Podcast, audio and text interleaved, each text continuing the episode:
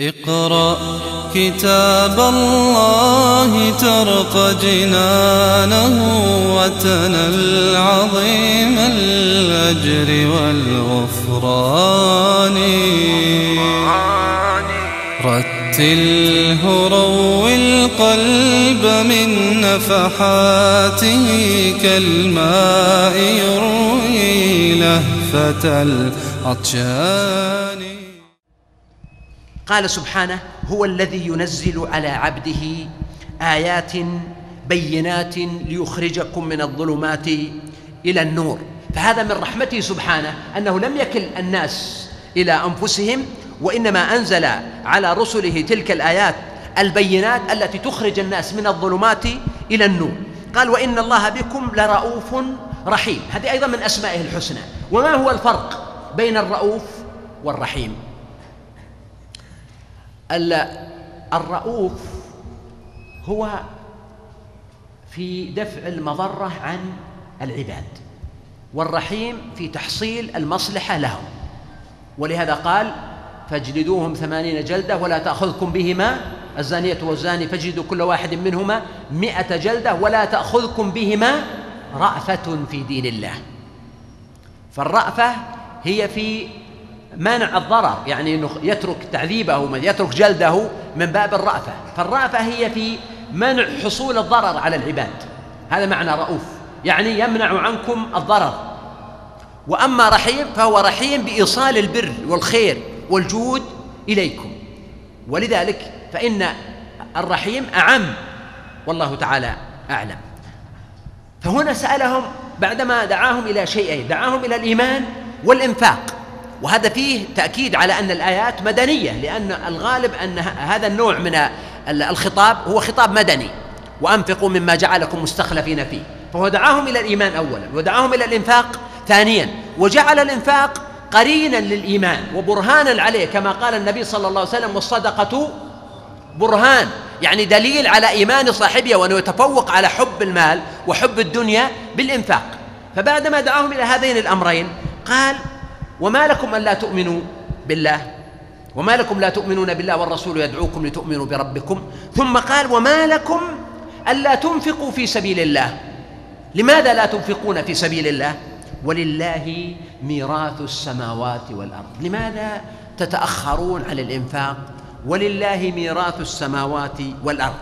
هذا يشمل أولا أن هذا المال الذي عندكم سوف يورث عنكم. وتتركونه لغيركم. فلله ميراث السماوات والأرض. اذا هذا المال لماذا يشح الإنسان فيه؟ هذا اولا. ويشمل ثانيا لما يقول ولله ميراث السماوات والأرض.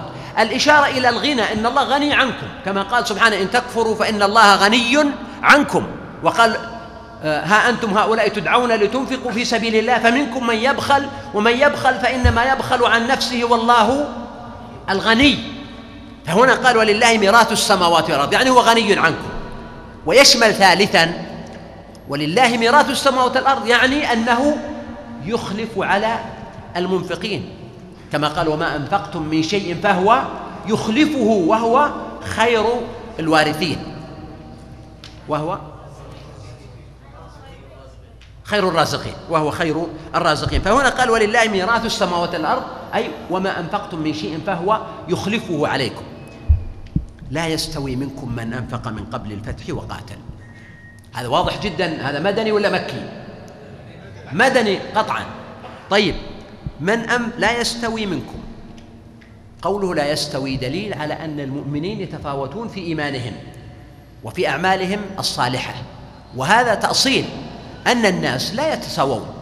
الله خلق الناس متفاوتين وفضل بعضهم على بعض. بل حتى الرسل فضل الله تعالى بعضهم على بعض. فتفاوت الناس هنا ليس تفاوتا بالأشياء التي لا قيمة لها ولا يد للإنسان فيها. التفاوت مثلا بالنسب أو بالأرض أو باللون أو بالجنس لا. وإنما التفاوت مبني على ماذا؟ على العمل وعلى الإنجاز وعلى الفعل. فهو دعوة إلى التنافس وهو تأكيد لمعنى التفاوت وأن الناس ليسوا شيئا واحدا مطلقا وإنما العدل هو إعطاء كل أحد ما يستحقه. قال لا يستوي منكم من أنفق من قبل الفتح. الفتح هو فتح مكة كما هو قول جمهور المفسرين ومنهم ابن عباس رضي الله عنه. أي أنفق قبل فتح مكة. وقيل إن الفتح هو صلح الحديبية. وهل هو فتح؟ نعم هو فتح الله سبحانه وتعالى سماه فتحا وقال إن فتحنا لك فتحا مبينا. وهذا نقل عن أبي سعيد الخدري ورجحه الإمام الطبري وجماعة والأمر في ذلك واسع. فالله سبحانه وتعالى يقول الذين أنفقوا من قبل فتح مكة وأيام شظف العيش والفقر والمسغبة وكانوا ينفقون من قوتهم وقوت أولادهم لا يستوون مع الذين تحركت هممهم للإنفاق بعدما ذلك بعدما رأوا بوادر الفتح والفرج والنصر وتسهلت الأمور وحصل نوع من الغنى. لا يستوي هؤلاء وأولئك. الله تعالى هنا قدم أيهما في السياق. نعم. قدم الذين أنفقوا من قبل الفتح وقاتلوا. لماذا قدمهم؟ لأنهم أفضل. لأنهم أفضل. طيب لو قال لنا قائل طيب في قول الله سبحانه وتعالى لا يستوي القاعدون من المؤمنين غير أولي الضرر والمجاهدون في سبيل الله. هنا قدم أيهما؟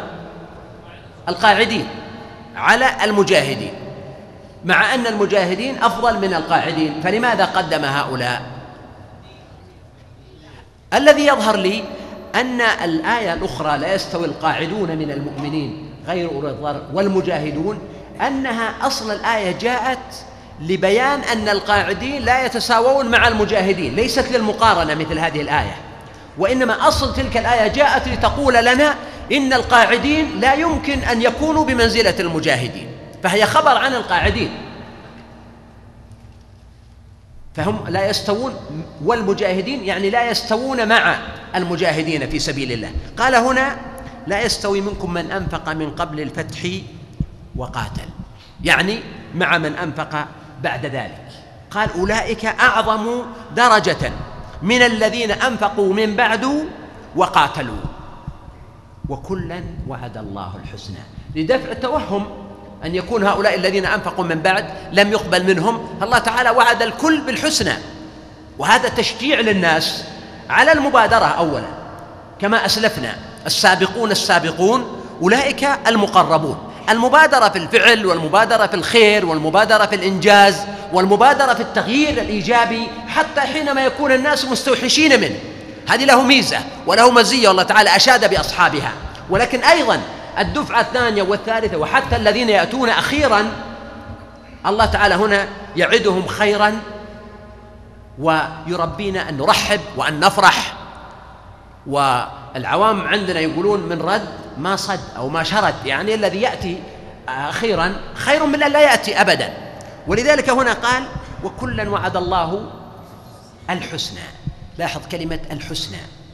يعني كأن هؤلاء جميعا من المحسنين. وفي ذلك في حقيقة الأمر إشادة بالجيل الأول أصحاب النبي صلى الله عليه وسلم. سواء الذين أسلموا وجاهدوا وأنفقوا قبل الفتح أو بعده. كلا وعد الله الحسنى.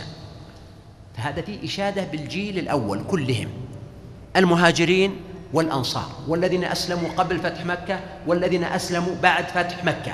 في بعض كتب التاريخ تجد وأيضا في بعض أطروحات الواقع اليوم تجد أحيانا حديثا فيه قدر من التنقيص أو الازدراء للناس الذين أسلموا بعد بعد فتح مكة.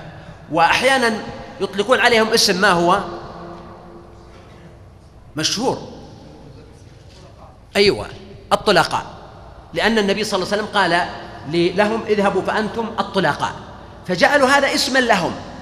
فتقول فلان كان من الطلقاء ويكون فيها نوع من التعريض. وهذا في الغالب أنه نتيجة معاني عنصرية ضد جنس العرب وجنس الصحابة والمؤمنين. أو معاني مذهبية أو حزبية أو قبلية أو ما أشبه ذلك مما ينبغي للإنسان أن يتنزه منه. فكل هؤلاء وعدهم الله ماذا؟ الحسنى مما يدل على أنهم محسنون في الجملة. نعم يوجد أفراد ويوجد أحاد ويوجد ضعفاء ولكن في الجملة هذا الذي وعد الله تعالى أولئك القوم. وكلا وعد الله الحسنى والله بما تعملون خبير. من ذا الذي دعوة مؤكدة إلى الإنفاق؟ قال من ذا الذي يقرض الله قرضا حسنا؟ يقرض الله قرضا. الإقراض هو أن تعطي إنسانا مالا ليرده إليك بعد حين من غير زيادة. ولهذا قال هنا قرضا حسنا أنه من غير فائدة من غير ربا من دون زيادة لأن القرض هنا إحسان إرفاق بهذا الإنسان المحتاج. فالله سبحانه وتعالى عبر عما يدفعه أو يبذله المؤمن في سبيله بأنه القرض الحسن. أنك تقرض الله. ولذلك لما نزلت هذه الآية قال أبو الدحداح كما في صحيح مسلم يا رسول الله ربنا يستقرضنا؟ قال نعم أصل الحديث في مسلم. قال أعطني يدك يا رسول الله أشهدك بأن حائطي صدقة لله ورسوله. وكان عنده حائط فيه ستمائة نخلة.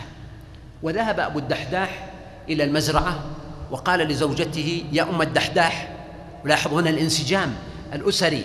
عمل تطوعي خيري تشارك فيه الأسرة كلها ليس الأب يفرضه عليهم. لكن هم يتقبلونه بصدر الرحب. يا أم الدحداح هلم وأخذوا بأيدي الأطفال والصبيان يخرجوا من المزرعة. قال إنني أقرضتها لله ورسوله. سمع هذه الآية مرة واحدة ونفذ فقالت له ربح البيع ربح البيع. وافقته على ذلك وسرت. فكان النبي صلى الله عليه وسلم يقول كم من عذق في الجنة لأبي الدحداح. كم من عذق الرداح في الجنة لأبي الدحداح. هذا الالتزام هذا الانضباط هذه الطواعية هذا معنى من معاني الإيمان الصادق المباشر الواضح السهل. قال من ذا الذي يقرض الله قرضا حسنا. كونه قرضا حسنا معنى أنه لوجه الله. لا رياء ولا سمعة. كونه قرضا حسنا معنى أنه لا يتبع قرضه أو إنفاقه منا ولا أذى. كونه قرضا حسنا أن الإنسان لا يطلب منه مصلحة أو زيادة أو غرضا من أغراض الدنيا. كونه قرضا حسنا أن يكون من طيب ماله كما قال سبحانه لن تنالوا البر حتى تنفقوا مما تحبون أنفقوا من طيبات ما كسبتم. فيضاعفه له. فهنا القصة أنه القرض يرد بمثله. لكن الله تعالى هنا قال فيضاعفه له. يعني يضاعفه له أضعافا كثيرة. كما قال سبحانه وله أجر كريم. يعني له القرض الذي دفعه. وله مضاعفة اضعافا كثيرة. ومع هذا له أجر كريم. فالأجر والله تعالى أعلم هو عطاء من الله وقد يكون هذا الأجر هو الإنفاق هو المغفرة. ولهذا قال إن تقرضوا الله قرضا حسنا يضاعفه لكم و ويغفر لكم. اذا في سر ترابط ما بين المغفرة وما بين إيش؟ الصدقة والإنفاق. ولذلك نحن نقول الإنسان الذي يكون أحيانا مبتلى بذنب أو عيب يعني كثير من الناس اللي يوسع الله عليهم في الأموال حينما تخالطهم وتجالسهم تجد عندهم نوعا من الأخطاء أو العيوب التي ما يستطيعون الفكاك منها. يكون مبتلى بذنب أو معصية أو خطأ أو متوسع في أمر من الأمور توسعا غير محمود. وقد لا يستطيع الخلاص بسبب العادة والتأثير والسفر والأصدقاء واعتبارات كثيرة جدا.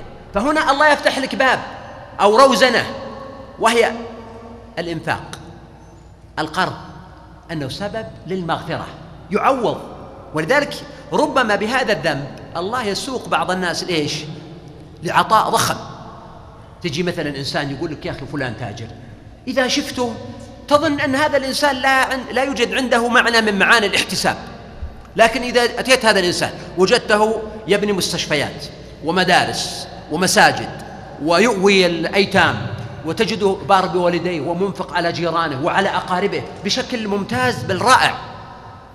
فلو بحثت وجدت أن الله ساقه أحيانا لهذه الصدقة وتخلص من شح نفسه وتجرد وبذل المال رخيصا لأن عنده ضغط داخلي من خلال خطأ يريد أن يكفر وهذا معنى بحد ذاته. طيب إن الحسنات يذهبن السيئات. ومن هنا قال وله أجر كريم فمن معاني الأجر الكريم المغفرة أن تقرضوا الله قرضا حسنا يضاعفه لكم ويغفر لكم. والله شكور حليم. وهنا قال أجر كريم لأن القرض كرم.